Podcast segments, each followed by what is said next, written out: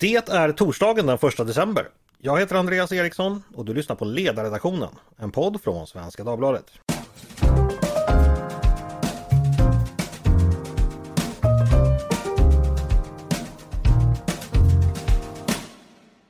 Varmt välkomna hörni! Nu har det äntligen hunnit bli december i vårt gemensamma sjungningsland och julförberedelserna blir allt intensivare. Men redan idag var det julafton för en del av oss. Vi som är ohälsosamt noggrant försöker tycka kloka saker om svensk politik. För det var nämligen så att idag kom SCB, Statistiska centralbyrån, med årets andra partisympatiundersökning. Eh, och som vanligt översvimmades Twitter av rappa analyser kring varför, Anna, varför de här siffrorna sa det twittraren alltid sagt samt bevisade att det rätta för ens eget parti återigen var den vägen som man själv förespråkat tidigare. Tänk så det kan gå. Detta ska vi förstås försöka tugga oss igenom i dagens podd och med mig för att göra det har jag tre kunniga gäster som alla lever och andas politik, nämligen Lisa Pelling, Per Rosenkrantz och Tobias Lundin Gerdås. Varmt välkomna alla tre! Tack så mycket!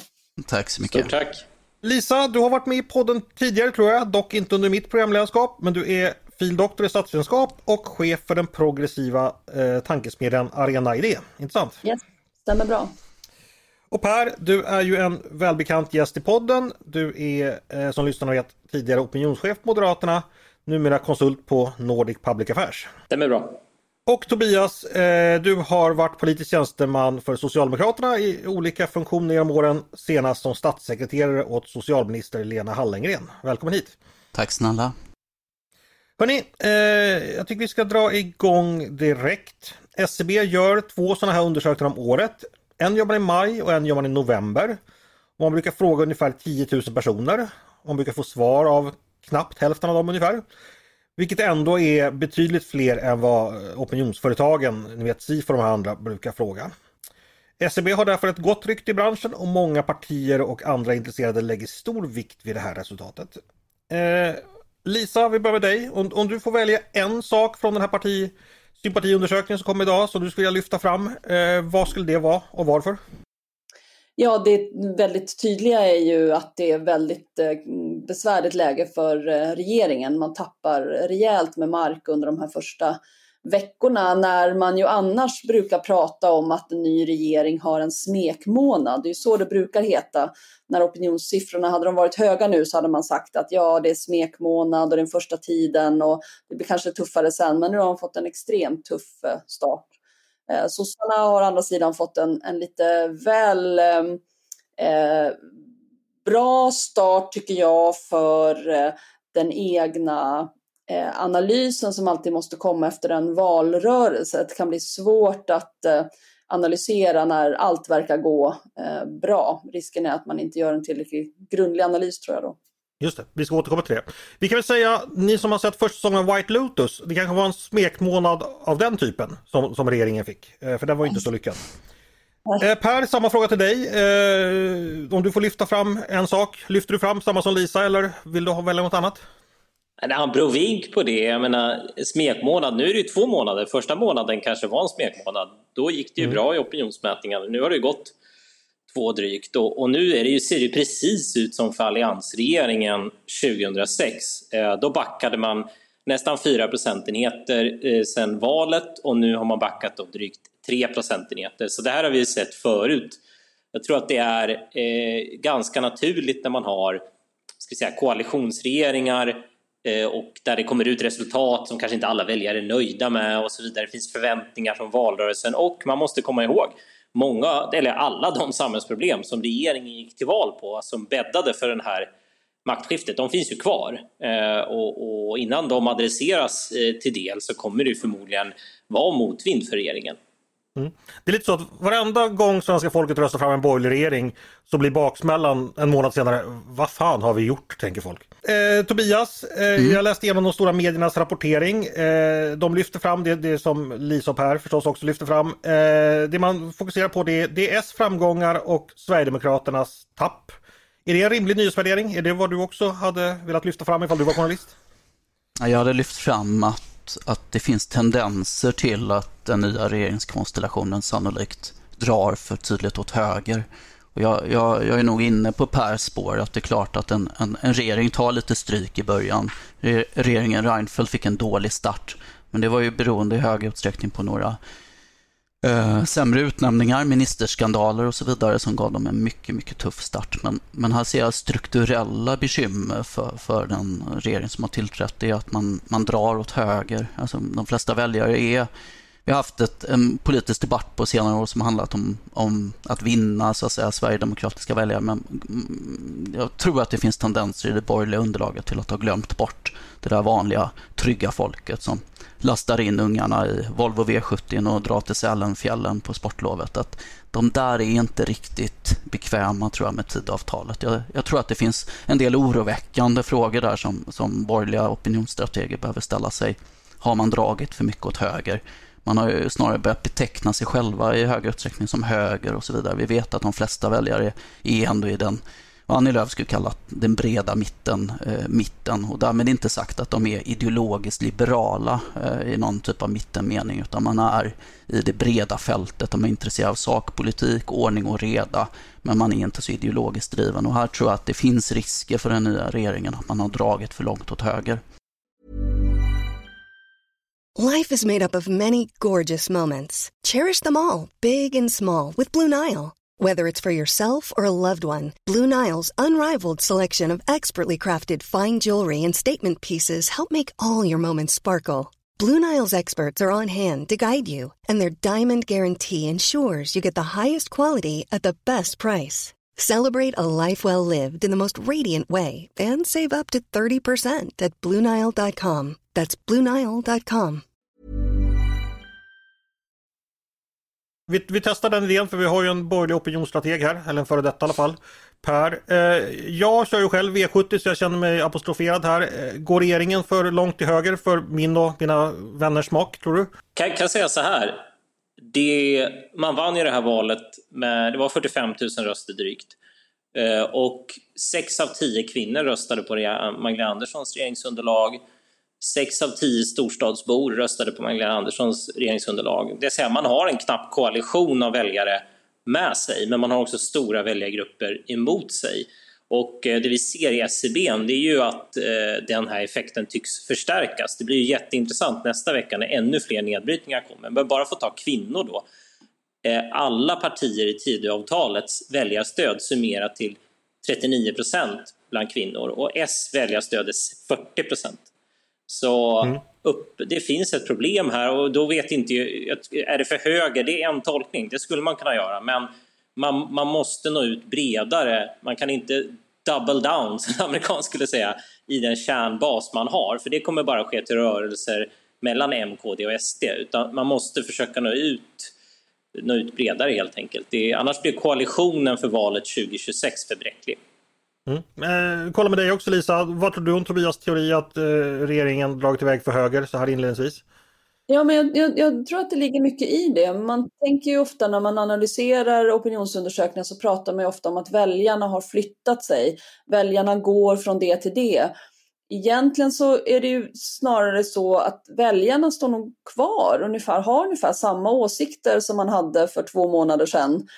Men partierna har flyttat sig och, och är det så att liksom partierna, framförallt till höger och mitten, har flyttat sig ett snäpp högerut, då borde det som syns i opinionsundersökningen vara att ett antal personer flyttar liksom från att vara så sverigedemokrater till att bli moderater och några moderater hamnar istället eh, hos Socialdemokraterna och det verkar enligt SCBs analys vara det som har hänt. Så man tänker sig att hela det politiska spektrat har, stoppat ett, har hoppat ett, hög, ett eh, liksom pinnhål åt höger och då får man de eh, väljarströmmarna. Så jag, jag, tror absolut att det är så. Sen är det som Per tar upp otroligt intressant. Hur kommer det sig att vi har en sån otrolig könspolarisering i det svenska politiska landskapet? Det ser man eh, sällan någon annanstans. Mm.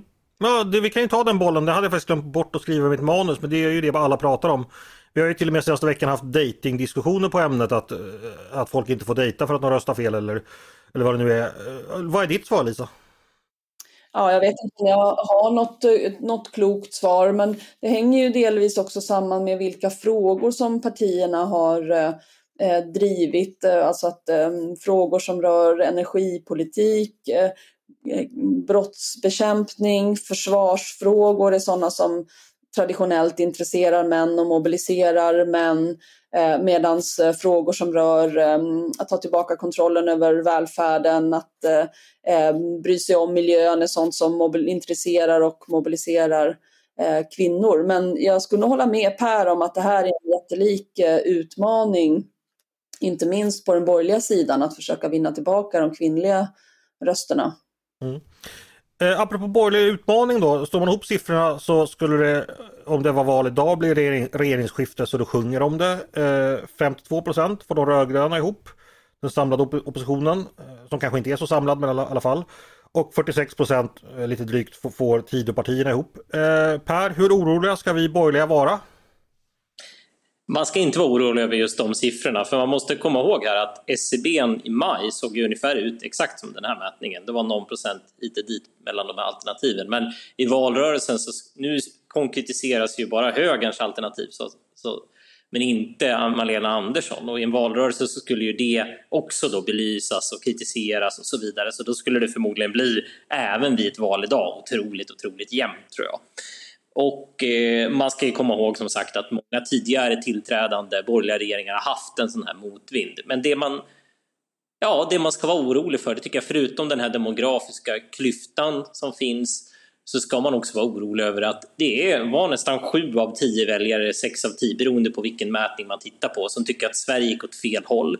Och man röstade på maktskifte för att få förändring bland unga väljare. Den trenden har ju analyserats, jag är här i ett eget avsnitt och så vidare. Eh, så är ju också den här driven av att man är missnöjd med utvecklingen, man vill se förändring och oron tycker jag är det att tänka är vi tillräckligt handlingskraftiga? Är vi tillräckligt kommunikativa? Kommer vi kunna kommunicera kring verkligheten och få fram politiken i tid för att bemöta det missnöje som finns? Eh, och det, det, det har vi regeringen. Jag har fromma förhoppningar om att den kommer att visa det kanske nästa halvår, men det har ju ännu inte visat det. Mm, vi får se. Tobias, jag tänkte en sak som Lisa plockade upp här inledningsvis att det kan för, för bra om ni förstår siffror efter ett val kan göra att eh, en eftervalsanalys kanske inte blir på det sättet man hade hoppats på. Finns det en risk för oppositionen att ha för bra siffror? Jag tänker exempelvis perioden 2006-2010 då regeringen var rökt enligt kända statsvetare men, men det blev ju inte alls så. Det, det är ju trots allt på valdagen det avgör. Så ja, helt enkelt, kan man som opposition ha för höga siffror?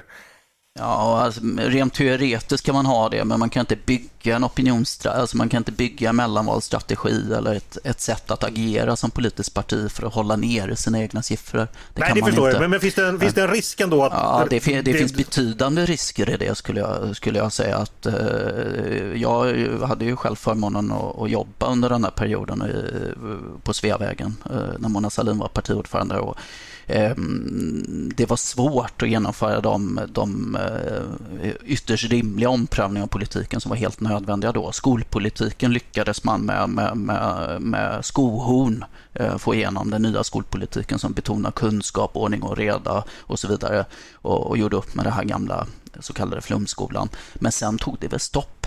Eh, Mona fick ju inte ens eh, mandat för sin egen parlamentariska strategi och det är möjligt att i ett mer eh, tuffare läge eh, opinionsmässigt så hade det varit en, en tydlig uppslutning i, i partistyrelse och VU då för, det, för den partiledningen som var.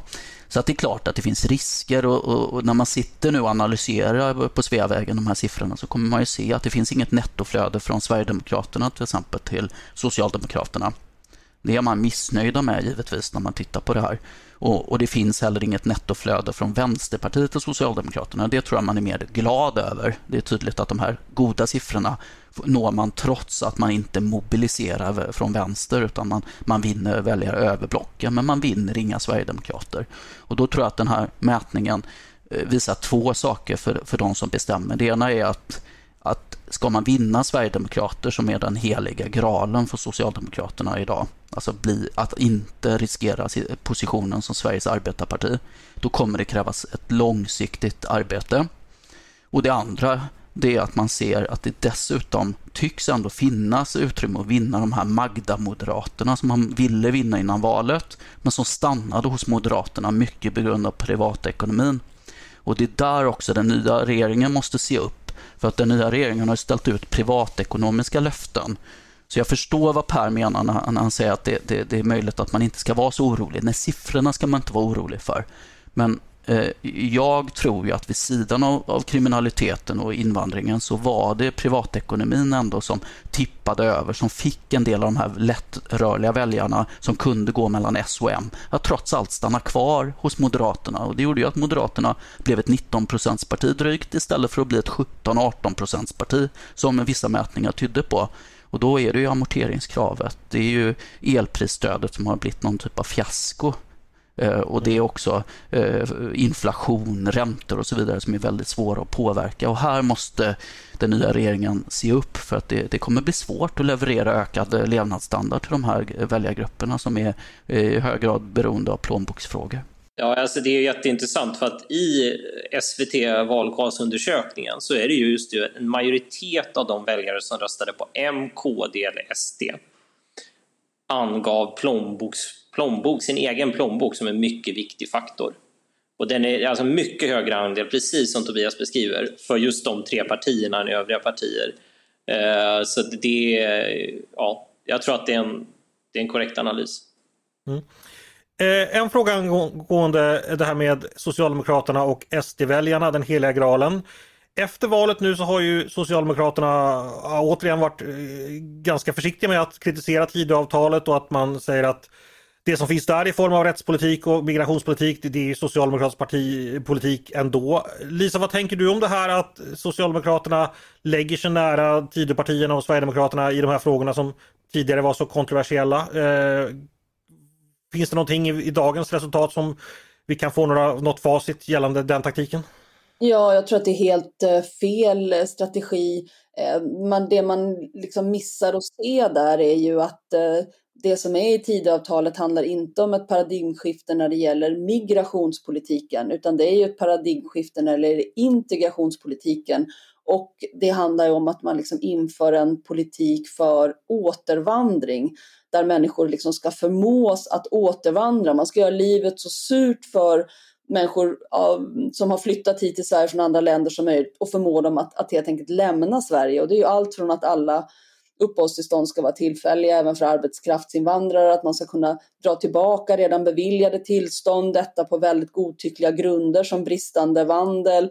Man har eh, massor med skrivningar om inre utlänningskontroll som innebär DNA-topsning, att du kan få din mobil beslagtagen, att du kan bli fasthållen om du inte kan bevisa att du har rätt att eh, vistas i Sverige. Det är en slags angiverisamhälle som växer fram där bibliotekarier och lärare ska ange personer som de tror inte har rätt att vistas i Sverige. Så det är en... Jo, jo, men, men givet att väljarna efterfrågar det, ska, ska inte Socialdemokraterna ge sig efter de väljarna också? Jag, jag, så... tänker att, jag tänker att om, om liksom Socialdemokraterna tror att de får moderatväljare, särskilt moderata kvinnor, att rösta på Socialdemokraterna för att de tycker att den här politiken är helt okontroversiell och till och med det var vi socialdemokrater som genomförde paradigmskiftet, då tror jag att man gör ett rejält misstag. Jag tror att folk eh, går från Moderaterna till Magdalena Andersson för att man hoppas att hon ska stå för någon slags värdighet och stå emot den här typen av, av ganska vulgära återvandringspolitik. Vi får se hur det blir med den saken.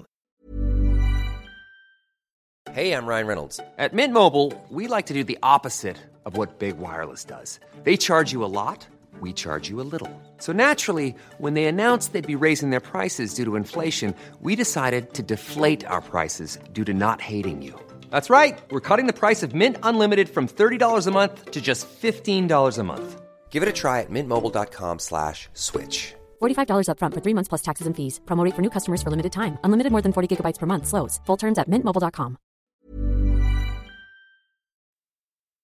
Eh, tänkte fråga också kring Sverigedemokraterna för nu sjunker de tillbaks igen.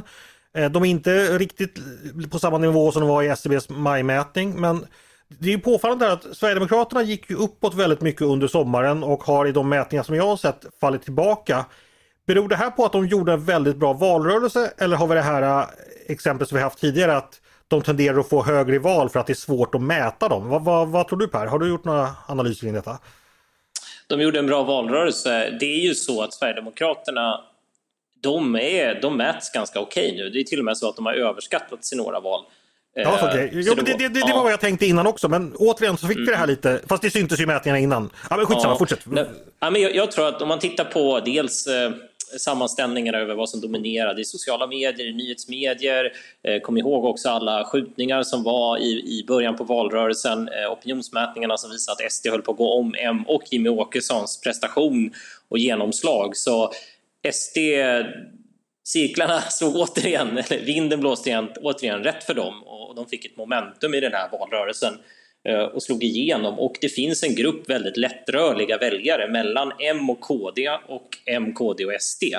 Och jag tror inte man eh, på den sidan i politiken ska fokusera så mycket på de där rörelserna mellan val för att det kommer gå upp och ner. Minns ni förra eh, mandatperioden? Det var en period där KD var hack i häl Moderaterna. Ja, det skilde 5 procentenheter, men de var jättestora. Sen föll de tillbaka och sådär. Så att det, man får vara, eh, hur siffrorna än utvecklar sig så måste Moderaterna ha med sig att inför nästa val kommer det återigen att vara en kamp om vem som ska vara Förutom regeringsmakten kommer det vara en kamp om vem som ska vara näst största parti.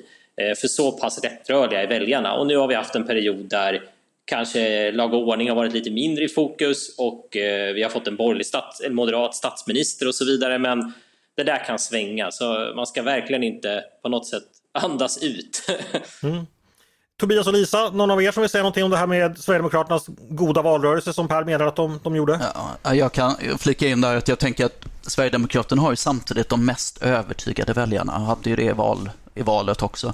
Det tyder ju snarare på att de hade en potential uppåt. Alltså att hade de haft en enorm, hade de sluppit alla de här nazistskandalerna eller eh, diskussioner om företrädare som skrivit märkliga saker och rasistiska saker på Flashback och så vidare. Hade de sluppit den diskussionen så tror jag att de hade haft potential uppåt. Och jag tänker att Moderaterna gjorde ju en, jag tror snarare det som gjorde att det blev maktskifte är ju att Moderaterna fick 19 istället för 17,5 och, eh, och det berodde på privatekonomi. Och eh, den här eh, regeringen kommer få ett bekymmer med privatekonomi för det ser inte ut som vi kommer bli rikare de kommande två, tre åren. Och här är ju inte väljarna, här är inte väljarna rättvisa utan väljarna Väljarna kommer ju anklaga de som sitter vid makten. Man, får, man ställer sig samma fråga som Ronald Reagan var det väl som frågade sig Are you better off today than you were uh, four years ago? Och, och, kan man svara ja på den frågan under en period där det kommer vara mycket inflation, högre räntor, högre arbetslöshet och så vidare det är det som jag tror kommer bli en väldigt viktig fråga. Sen, bara tillägg till Sverigedemokratsfrågan, det handlar om hur coola är den sverigedemokratiska partiledningen med om det som händer det som Per menar kommer hända, som jag också tror är sannolikt, det vill säga att vi får ett flöde från Sverigedemokraterna kanske till Moderaterna. Kommer den eh, sverigedemokratiska partiledningen vara cool med det eller kommer man börja leverera utspel och så vidare? Jag är inte alldeles säker på att det är en klok strategi att stå utanför en sån här regering. Dansk Folkeparti hade ju chansen när de blev största parti till höger och lät Anders Fogva eller var det Lars Löcke, sitta kvar eh, och där brände man sina chanser. Så jag tror Sverigedemokraterna kommer, om de, om de får allt sämre siffror, så kommer deras tålamod prövas den här mandatperioden. Mm. De har definitivt en jättestor svekdebatt framför sig. Jag såg att eh, SCBs undersökning som vi pratar om nu, den började eh, göras den 24 oktober. Och det var ju innan eh, budgeten hade hunnit läggas. Så det är klart att man kan ha lite tålamod med ny regering men det kommer ju bli liksom allt mer uppenbart under månaderna som går att Sverigedemokraterna inte levererar på sina vallöften när det gäller bensin och dieselpriser, när det gäller eh, att pressa ner el. Eh, priserna. Eh, det här att man liksom har räddat kvar eh, a-kassan på samma nivå som den var tidigare, det är en väldigt svag tröst tror jag för dem som har röstat på Sverigedemokraterna mm, på grund av liksom eh, löften om att eh, till exempel stärka sjukförsäkringen där man ju inte levererar någonting alls överhuvudtaget. Hörrni, vi ska ta och börja runda av lite så smått. Jag tänkte bara, nu har vi pratat eh, Moderaterna och Socialdemokraterna och Sverigedemokraterna. Eh, är det något annat förändring som ni skulle vilja lyfta fram när det gäller, eller brist på förändring kanske, i något parti som ni tycker är viktigt att ta med sig? Eh, Lisa, vad säger du? Ja, jag tänker att, att det är ganska tydligt att den här förtrollningen kring Ebba Busch har, har brutits. Eh, det är en liksom stadigt nedåtgående trend för Kristdemokraterna eh, och jag tror att eh, Ebba Busch kommer att ha svårt att leverera med den ministerportfölj som hon har nu. Så jag, jag, jag tror att eh, de kommer att ha, ha, ha en riktigt tuff mandatperiod framför sig. Mm. Hårda bud för KD. Eh, per, vad säger du? Vill du plocka fram någonting ur statistikskörden som du tycker är värd att titta närmare på? Ja, Centerpartiet. Jag tror de befinner sig i samma läge som faktiskt Moderaterna, fast på en helt annan nivå. Någon gång där efter valet 2010, eller efter valet 2014 minns jag att man opinionsmätningar som visar 25 procent. Så tänkte man, ja, ja, men vi ska tillbaka till 30. Då visste man inte att ja, man ska vara glad över de där 25 procent. Jag tror de ska vara glad över att de ligger över 5 procent nu. De kommer titta tillbaka på den här höstmätningen och tänka att oj, om vi ändå var på tillbaka på samma nivåer som vi var där efter valet. För de kommer närma sig spärren, tror jag. Och de ska byta partiledare också. Frågan är om de byter till en lika framgångsrik som Anna Kinberg Batra. De... Eh, men det är ju det som är gre grejen, är det att Annie Lööf var en jättestor faktor till att rösta på Centerpartiet. Eh, och eh, utan henne i det här valet så hade de ju fått lägre resultat på en redan ganska eh, ja, något sådär nivå. De har få sakfrågor och de har en jätteknepig position på regeringskartan. Så det, och det är supertufft att byta efter en så eh, populär partiledare. Så de har framför sig ett, ett isbad. Mm, isbad där. Eh, vad, Tobias, om du får wrap it all up, vad skulle du vilja lyfta fram från undersökningen som du tycker är viktigt att lyssnarna tar med sig och funderar på? Men av strategisk betydelse är det ju framförallt vad Centerpartiet ska göra med de här siffrorna. Alltså, Centerpartiet har ju ett flöde som är tämligen kraftigt i eh, Socialdemokraterna. Man ska göra ett partiledarval nu där sannolikt eh, eh, Tann Ringqvist kommer ta hem det där. Hon, hon behöver markera, markera eh, självständighet. Å andra sidan så, så, så kommer, måste de ju välja väg. De kan inte ha fyra, fyra år tror jag, där, där man lever i någon Eh, liksom ensam mitt, utan man behöver lära sig av de här siffrorna. Och så behöver man vinna sakfrågeägarskap. Man har levt mycket på, som Per säger, på, på en populär partiordförande på en värderingsdriven kommunikation. Jag tror man behöver vinna sakfrågeägarskap i ett par frågor. Sannolikt då landsbygd och miljö, gröna näringar och så vidare. Man måste liksom hitta ett par frågor. Så att, eh, det tycker jag är superintressant för det där, de väljer väg i februari och eh, behöver också analysera de här siffrorna och vad som, hur valresultatet slog. Eh, annars är det ju stiltje för en del partier. Vänsterpartiet eh, kvar eh, på eh, relativt höga nivåer. Miljöpartiet har väl fått lite mer stadga under fötterna. Miljöfrågan blir mer av en konfliktfråga. Eh, det gynnas de av. Eh, Kristdemokraterna, som Lisa säger, förtrollningen är bruten. Vi får inte glömma att Göran Hägglund också var en en eh, parti, relativt populär partiordförande som ändå inte fick sitt parti så värst mycket högre än riksdagsspärren. Jag tror att KD kommer parkera kring 4% under den här mandatperioden. Så att det finns en del stiltje men också en del intressanta rörelser mellan partierna. Alla till vänster räknar alltid ut KD och så kommer de alltid tillbaka. Så det är ju... Det är... Ja, ni, ja, jag ni, tror ni... väl också att de gör det. Det finns ingen risk för att de skulle trilla ur 2026 så, så som det har funnits tidigare. Men då, jag tror att det är svårt att bli det där stora allmänborgerliga partiet som, som hon hade eh, lukt på 2019. Där, va? Hörrni, vi får se hur det går med den saken. Eh, stort tack dagens gäster Lisa Pelling, Per Rosenkrantz och Tobias Gerdos Lundin för att ni ville komma och prata med mig idag. Tack så mycket. Tack så mycket. Tack, tack. Innan jag tackar för mig så har jag två medskick till lyssnarna. Det första är att kolla in ledarsidans julkalender som börjar idag. Under 24 dagar framåt kommer vi presentera luckor med kloka förslag som regeringen omedelbart bör omsätta till praktisk politik. Och de har vi fått fram genom att vi bad 24 kloka personer om hjälp och idag är det docenten och författaren Johan Lundberg som står för luckan. Öka den akademiska friheten genom att sluta med de politiskt påbjudna perspektiven. Eh, det är hans förslag som ni läser på www.svd.se ledarsidan. Mitt andra medskick är kort och krast. Kolla brandvarnarna och kom för guds, guds skull ihåg att släcka ljusen. Då är det dags att sluta för idag. Eh, tack för att ni har lyssnat på Ledarredaktionen, en podd från Svenska Dagbladet. Ni är varmt välkomna att höra av er till oss på redaktionen med tankar och synpunkter på det vi precis har diskuterat. Eller om ni har idéer och förslag på det vi ska ta upp i framtiden. Maila då bara till ledarsidan svd.se. Stort tack för idag!